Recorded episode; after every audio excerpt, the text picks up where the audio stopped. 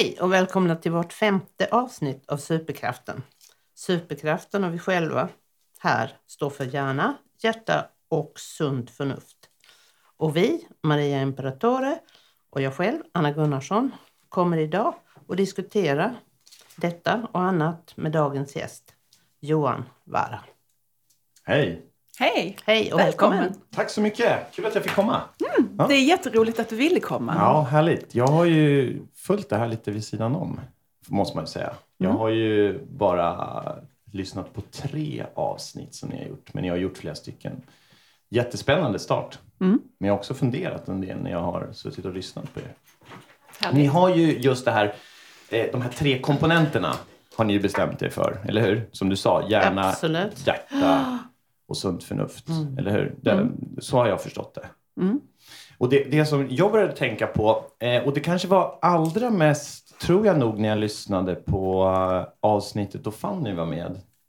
Avsnitt två. Eh, och så pratade ju du, Anna, du pratade ju om insatser som du hade gjort med Fanny.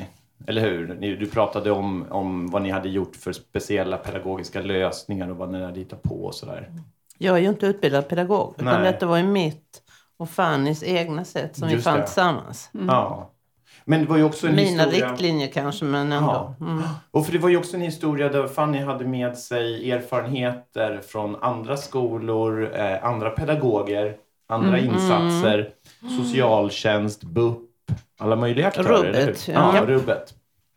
Och det som då jag började tänka och, eh, och som blev en reflektion från min sida på en gång, det var ju det här med sunt förnuft. För jag kan ju tycka att sunt förnuft är ett bekymmersamt eh, begrepp. Men jag kan, ska jag förklara lite vad, vad jag menar? Jag gör det. Eh, jag tänker så här, eh, vems sunda förnuft? Om vi börjar så. Mm. Eh, eller så kan vi tänka så här, sunt förnuft är ju inte statiskt. Det vill säga, låt oss göra en historisk tillbakablick. Låt oss tänka att vi befinner oss 1955. Då var det fortfarande helt legio. Det var helt liksom normalt att slå barn som inte skötte sig. Det, var, mm. det tillhörde det sunda förnuftet. Om vi tre, som alla tre har barn, om vi hade suttit och diskuterat eh, min son, er son, Fanny eller någon annan, så hade ju vi direkt sagt så här, ja men vadå, man måste ju, man måste ju ge barnet en, en dagsedel, en lavett eh, eller någonting om hen inte sköter sig. Rimligt på den mm. tiden. Så vad som har hänt är att vi har en historisk spridning av vad som är sunt förnuft. Där har vi en del. Och en annan del är att det inte bara är en historisk del utan vems sunda förnuft? Ja, mm. Vad tänker du? Men där kommer jag in, vill jag mm. komma in med det här med att det också var traditionellt. Ja. Jag fick stryk när jag var liten och jag har minsann ja. inte tagit skada av detta. Just det. Mina barn kommer heller inte ta någon skada av detta. Just det. För det var ju det som ofta framkom. Precis. I diskussioner kring detta med aga, barn till exempel. och aga. Ja. Mm. Och jag håller med dig. Alltså, det hör man ju jätteofta, inte bara när det gäller aga, när det gäller allt möjligt. Jag gjorde så här. Alltså måste det ha varit bra. Mm. Och om man, vad jag då menar om man säger så här, att om vi tar Fanny-exemplet då. Och så säger en myndighet, socialtjänst, BUP, skola eller en annan aktör, säger att vi baserar insatserna på sunt förnuft. Då tänker jag direkt så här, vems sunda förnuft? För att vi är tre personer mm. i det här rummet nu och vi ser inte ens lika på allting. Vi kan ha en helt olika syn på olika företeelser. Om vi då baserar insatser med någon som mår psykiskt dåligt, till exempel, mm. då skulle jag säga att det blir direkt farligt. Ja.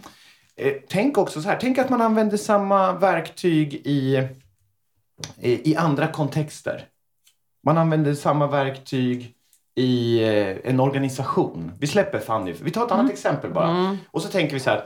Den här organisationen mår inte bra. Volvo lastvagnar utanför Landvetter där. Må, organisationen mår inte bra. Och så tar man in en konsult som ska hjälpa organisationen. Och så använder den sunt förnuft. Men vad då? För att göra vad? Vad är det man ska göra? Är det den här äh, kvinnan, mannen som kommer dit som gör insatsen sunda förnuft? Är det organisationens sunda förnuft? Eller vad bygger det på? Så vad jag menar är att i alla sammanhang när man ska göra en insats, när någon inte mår bra, när någon behöver stöd och när någon behöver hjälp, så måste man ha kunskaper om vad är det för problem? Om man inte vet vad det är för problem, då är det svårt att göra en insats. Och två, vad är bästa sättet att hjälpa? Så det jag tänker kring det, ert begrepp sunt förnuft här, det är helt enkelt hur ska vi förstå människors dåliga mående och hur ska vi kunna göra insatserna? Ja, det vi måste göra, det vi måste titta på vad säger studier, vad säger forskning, vad säger annat? Och då säger någon direkt så här, men forskning är inte allt. Jag håller med om det. Vi vet inte allt i forskning. Men forskning är det enda vi har. Annars blir vi Donald Trump. Mm. Då blir allting fake news. Och då kan vi basera, då kan vi göra som vi vill. Då kan jag sitta som psykolog på BUP inne i Lund och så kan jag säga så här, nej men jag tycker att eh, den här flickan ska få de här insatserna och den här pojken ska få de här insatserna. Vad baserar du det på? Sunt förnuft. Mm. Och det blir liksom inte bra. Nej. Får jag lov att flika in? Absolut. Eh, för att jag tänker lite utifrån som vi har arbetat. Mm. Och, ehm, och då utgår jag helt ifrån min situation och Fannys och Fabians. Um, och det jag har fått använda som inte är utbildad mm. inom detta, det är för att det har saknats hos de som är utbildade. På skola, ja, på ja. BUP. Nu ska jag inte ta och generalisera Nej. alla, utan det finns andra som är. Såklart. Men ja. tillsammans med mitt hjärna, hjärta och mm. sunt förnuft ja. med utbildade människor ja. så jobbar man tillsammans. Just det. Där kopplar man ihop det. Eh, sen har jag också märkt att ut, många som är utbildade psykolog mm. som lärare har inte hjärna, hjärta och sunt förnuft. Nej, så kan det absolut Så det är de komponenterna som jag vill koppla samman. Aha. Och därför så är det ju inte att utesluta från vår tank, grundtanke nej, nej. i det hela. Därför är det jätteintressant ja. det du säger. Ja, ja. Jag är helt med på din linje. Mm. Nu tar du upp det på ett helt annat plan, men jag tror att begreppet sunt förnuft mm. uppkom när Maria och jag satt och diskuterade. Mm. Och när vi såg och blev så irriterade över hur mycket dåligt vi faktiskt såg inom socialtjänst, inom vården, inom mm. skolan. På många platser. Och ställde, ja. och ställde oss frågan men var är det sunda förnuftet? Är det ingen som fattar? Nej, och får, får, jag, får jag problematisera det då? Absolut. Mm. Och då tänker jag så här, men kanske att det var för mycket sunt förnuft. Och vad jag menar med det, det är att de här personerna går alldeles för mycket till sig själv och baserar insatsen inte mm. på en... Och, eh, vi sitter ju här och poddar nu och vi, vi har böcker, självhjälpsböcker och sånt där framför oss här. Eh, om man tänker då att man tar en av de här böckerna så kanske den bygger på forskning och studier och så vidare. Men låt säga att den här personen i skolans värld, i socialtjänsten, i BUP eller en privat aktör inte använder framforskade metoder. Det kanske är så här att det som Fanny träffade på var sunt förnuft, men det var den personens egna sunda förnuft. Och den gifte sig inte något vidare med Fannys verklighet och vardag. Man brukar prata om svårigheter med perspektivtagande.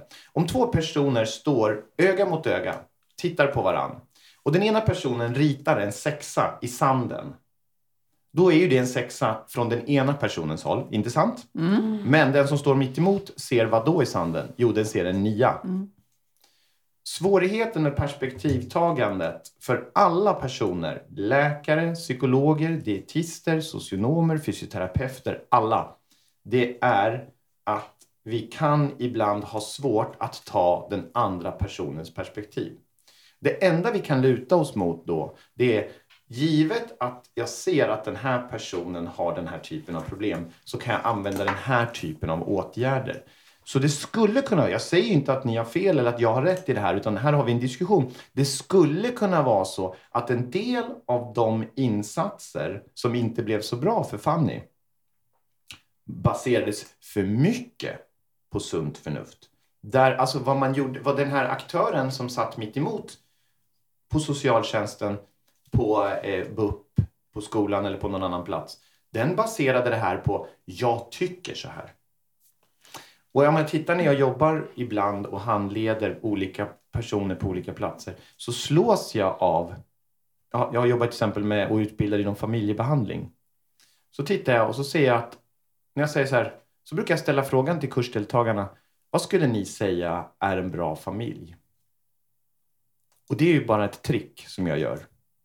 För då börjar folk säga, men en bra familj är så här och en bra familj är så här. Och då brukar jag säga så här, om du ska jobba med en familj så är det inte vad du tycker som är en bra mm. familj. Det är vad är bäst för vårdnadshavarna och bäst för barnen? Inte vad du tycker. För det ty- tyckandet ligger i linje med sunt förnuft. Vad tänker du Anna? Jag tänker detta med att mycket är baserat på egna erfarenheter och också projektioner. Ja. Men det finns också en sak som jag skulle vilja ta upp till diskussion. Mm. Och det är regelboken Ja, och utbildningarna. just det. Ingår det överhuvudtaget idag, de här att reflektera över individen? Att skilja ut individer? Eller är de fortfarande ihoppackade i ett här har vi adhd och här har vi dem och så tar vi lite bi- bipolära i den gruppen. Mm, och så kör vi det. För så här ska det vara och så har det alltid varit. Nu återvänder jag till det här Ja, jag, jag hänger som med. vi diskuterade ja, ja. ja, kring AGA. Va? Ja, mm. Nej, men jag, det är ju Och jätte... det är skrämmande för mig. Ja, men det, det är jätte... jag, jag kan ju inte uttala mig om alla utbildningar överallt förstås. Men jag kan Men det är ju ingen uttala som mig om, kan, nej, nej, men jag tänker på... Jag jobbade ju i åtta år som studierektor vid Uppsala universitet och jobbar fortfarande vid Uppsala universitet som lärare. Och där utbildar jag, där är jag med på många olika program. Dietistprogrammet, fysioterapeut, läkarprogrammet och, och väldigt mycket på psykologprogrammet. En del andra program, beteendevetare, personalvetare och så vidare. Eh, vi jobbar ju jättemycket med att träna de olika yrkesutbildningarna I rollspel i, i rollspel Mm. exempelvis, men i självreflektionsövningar. Det här gjordes inte i jättestor utsträckning för ett antal år sedan, utan vad man har, historiskt har gjort är att man till exempel har satt människor som är under utbildning i att gå i terapi och tänkt att det skulle lösa någonting, vilket är jättedumt därför att Terapi, alltså terapi är jättebra om du mår dåligt. Superbra. Men att gå i terapi som ett utbildningsmoment, det blir jättekonstigt. För terapi är hälso och sjukvård. Dessutom får man faktiskt inte tvinga människor. Vi har ju en lag i Sverige där man ger att eh, det är ju bara om man LVUar någon eller lagen om vård av missbrukare. Det vill säga att man får inte tvinga människor till sjukvård. Men vi hade historiskt så har vi gjort så att vi har använt till exempel att man ska gå i terapi själv som en metod för att lära sig att reflektera. Det har vi ju i stora stycken tagit bort nu inom utbildningsväsendet. Och istället så jobbar vi med rollspel, reflektionsövningar, perspektivtagande övningar och annat för att alla yrkeskategorierna ska bli bättre på det här. Man ska bli skickligare och bättre på att hantera individer. Eh, sen hade du en annan fråga där också Anna och det var ju om liksom, hur de här, om man boxar så att säga, Ja. för mycket diagnoserna i en, i en fack. Det kallas ju inom motivational interviewing eller motiverande samtal så kallas det för etikettering och fokuseringsfällan. Precis. Och etiketteringsfällan är ju helt enkelt det att man, man säger så här att eh, det, det kommer in en person på mitt rum, Petra kan vi kalla henne. Petra kommer in på mitt rum, Petra beskriver att hon har en, en förhöjd konsumtion av alkohol. Eh, och etiketteringsfällan det är att jag etiketterar och säger Petra har ett riskbruk, ett missbruk eller liknande. Men Petra kanske dricker för att hon också är utmattad, har en depression, har ångest. Så att det är som en självmedicinering. Fokuseringsfällan det är då att jag alltså helt enkelt missar eh, de här sakerna som ligger runt omkring. Jag missar eh, att Petra dricker av de här anledningarna. Så ja, eh, vi måste träna alla yrkeskategorier i var man än sitter någonstans. Då gör du ju en ren symptombehandling. Ja, och det kan man ju, det kan man ju behöva, det ena behöver inte utesluta Nej, det andra. absolut inte. Men när det gäller multipel problematik, komorbiditet, samsjuklighet, när det gäller de delarna så är det ju otroligt viktigt att man ser till de olika delarna. Och som, när jag träffade dig första gången Mia, eh, när vi satt första gången och pratade om Fanny och gick igenom och diskuterade så kommer ihåg, vi satt där på uteserveringen många år sedan nu och satt och pratade. Eh, och jag tyckte verkligen när vi pratade om det att det lät som att människor hade kanske boxat Fanny för mycket. Därför att man hade inte tittat på forskning, tyckte jag då. Förstår du? Alltså för när du började rada upp saker, jag menar jag ställde ju ingen diagnos för så gör man ju inte, men jag lyssnade ju till det du hade att säga till din berättelse. Eh, och för mig lät det som att här låter det som en, en ung människa som har kanske många olika diagnoser. Ja. Och, och i vissa saker kanske inte en diagnos, det är ett speciellt beteende. Och det vet vi också att människor som har speciella beteenden som inte är norm, alltså som de flesta gör, har en tendens att hamna fel i samhället. För samhället är inte skräddarsytt för dem. Nej. Samhället är inte skräddarsytt alls för människor som har speciella beteenden, utan man ska passa in konsensusdrivet. Man ska liksom fast passa i mallen. När vi gick i skolan så hade, i alla fall jag hade betygssystemet 1 till 5.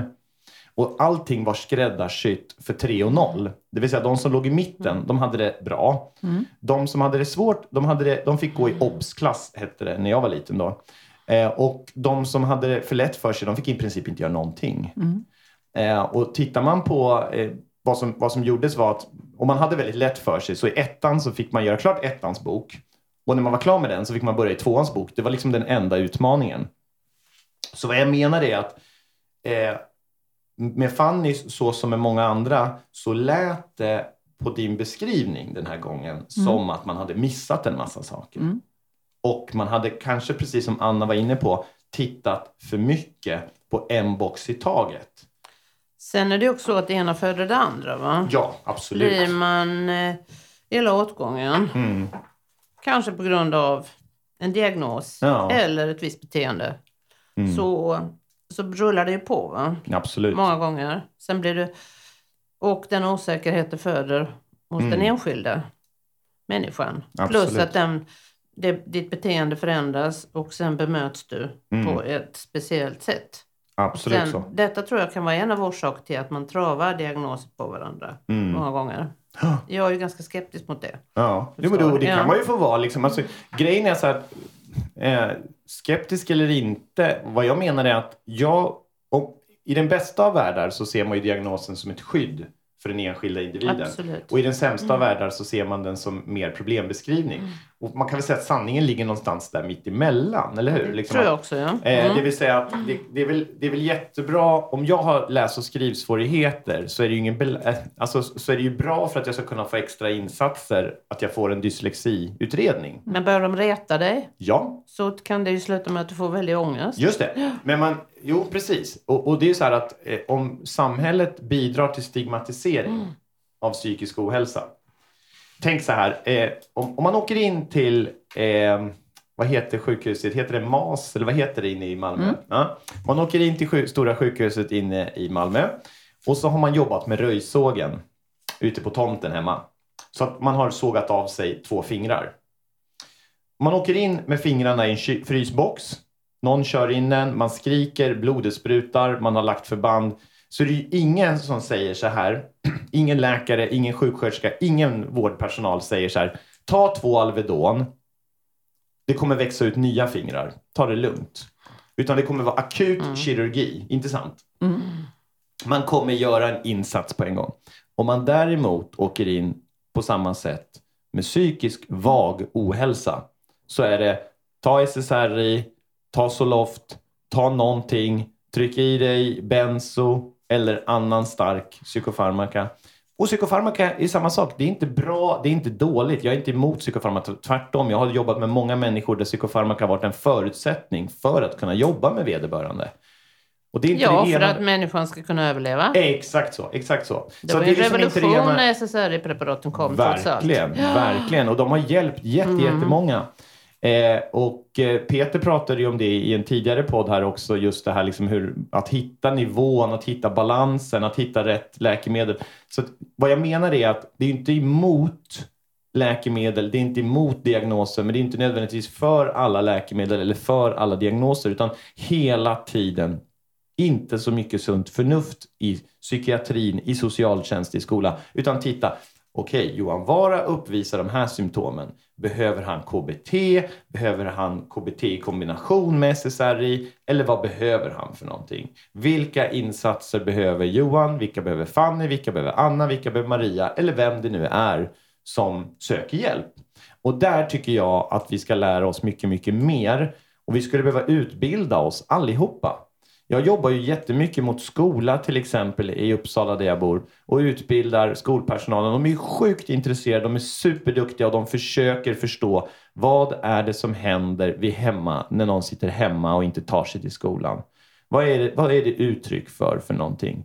Varför mår vissa unga människor väldigt dåligt? Vad, vad behöver vi lära om det? Och det här behöver man ju göra i alla led, tycker jag.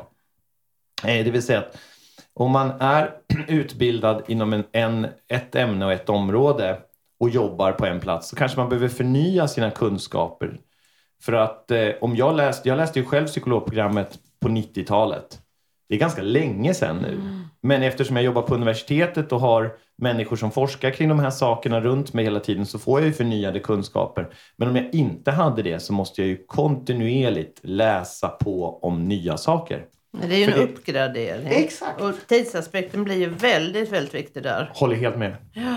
Att tiden är jätteavgörande för Och just nu är vi också inne i ett generationsbyte. Mm. Både inom sjukvård, Mm. inom skola Absolut och så. socialtjänst. Mm. Därför att eh, så är ju en population.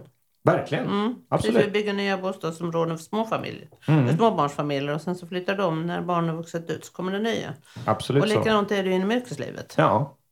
Visst är det så att, att hela tiden så måste det ske en, en föryngring och uppfräschning och, och jag menar, jag från ett utbildningsperspektiv sida så tycker jag ju att det psykologprogram som jag själv utbildar på nu, om man bara tar psykologprogrammet, Mm.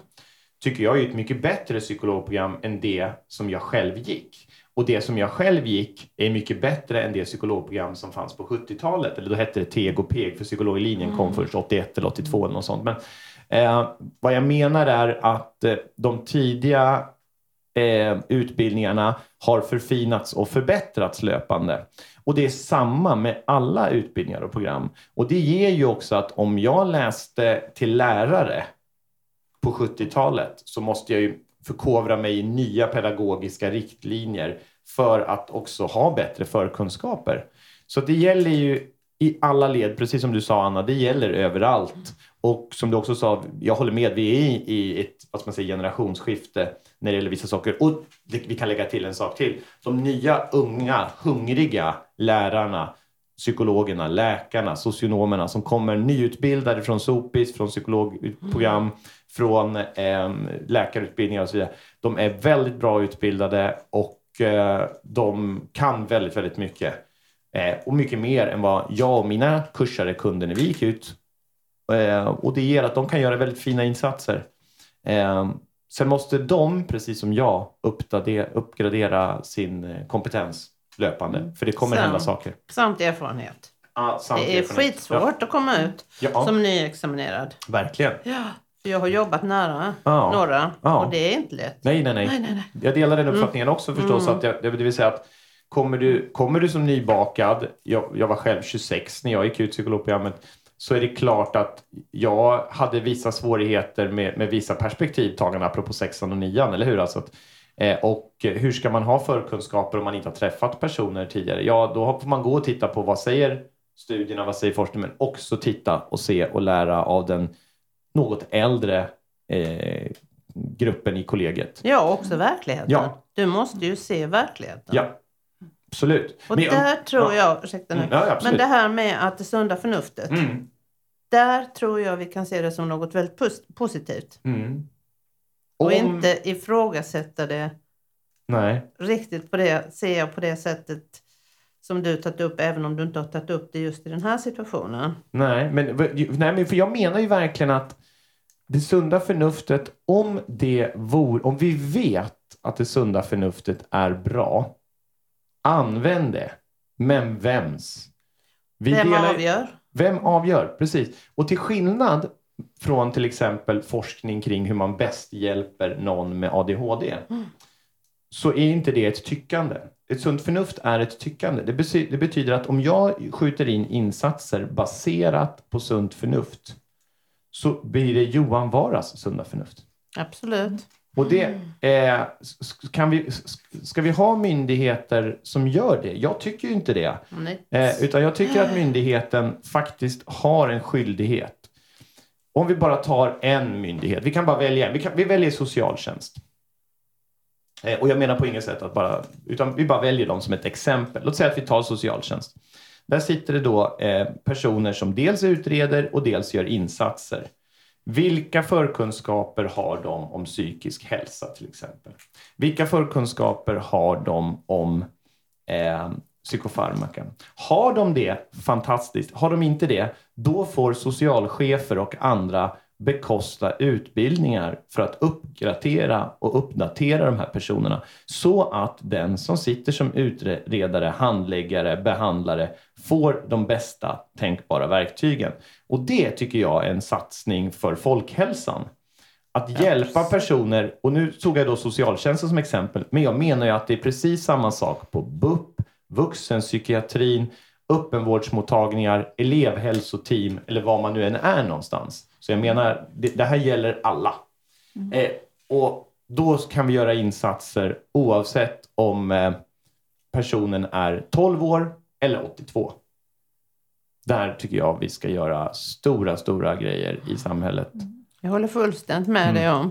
Men vägen dit, plus att Aha. det också handlar om ekonomi. Jo, jo, absolut. Mm. Alltid. Jag har ju jobbat då sen jag kom tillbaka till Sverige för några år sedan som lärare. Ja. Jag hade jobbat lite som lärare vid sidan om också eftersom jag jobbar mycket med konst. Mm. Men eh, då det här att, oh, och kan du ta du det här så får du handledning. Just det. Mm. Oh.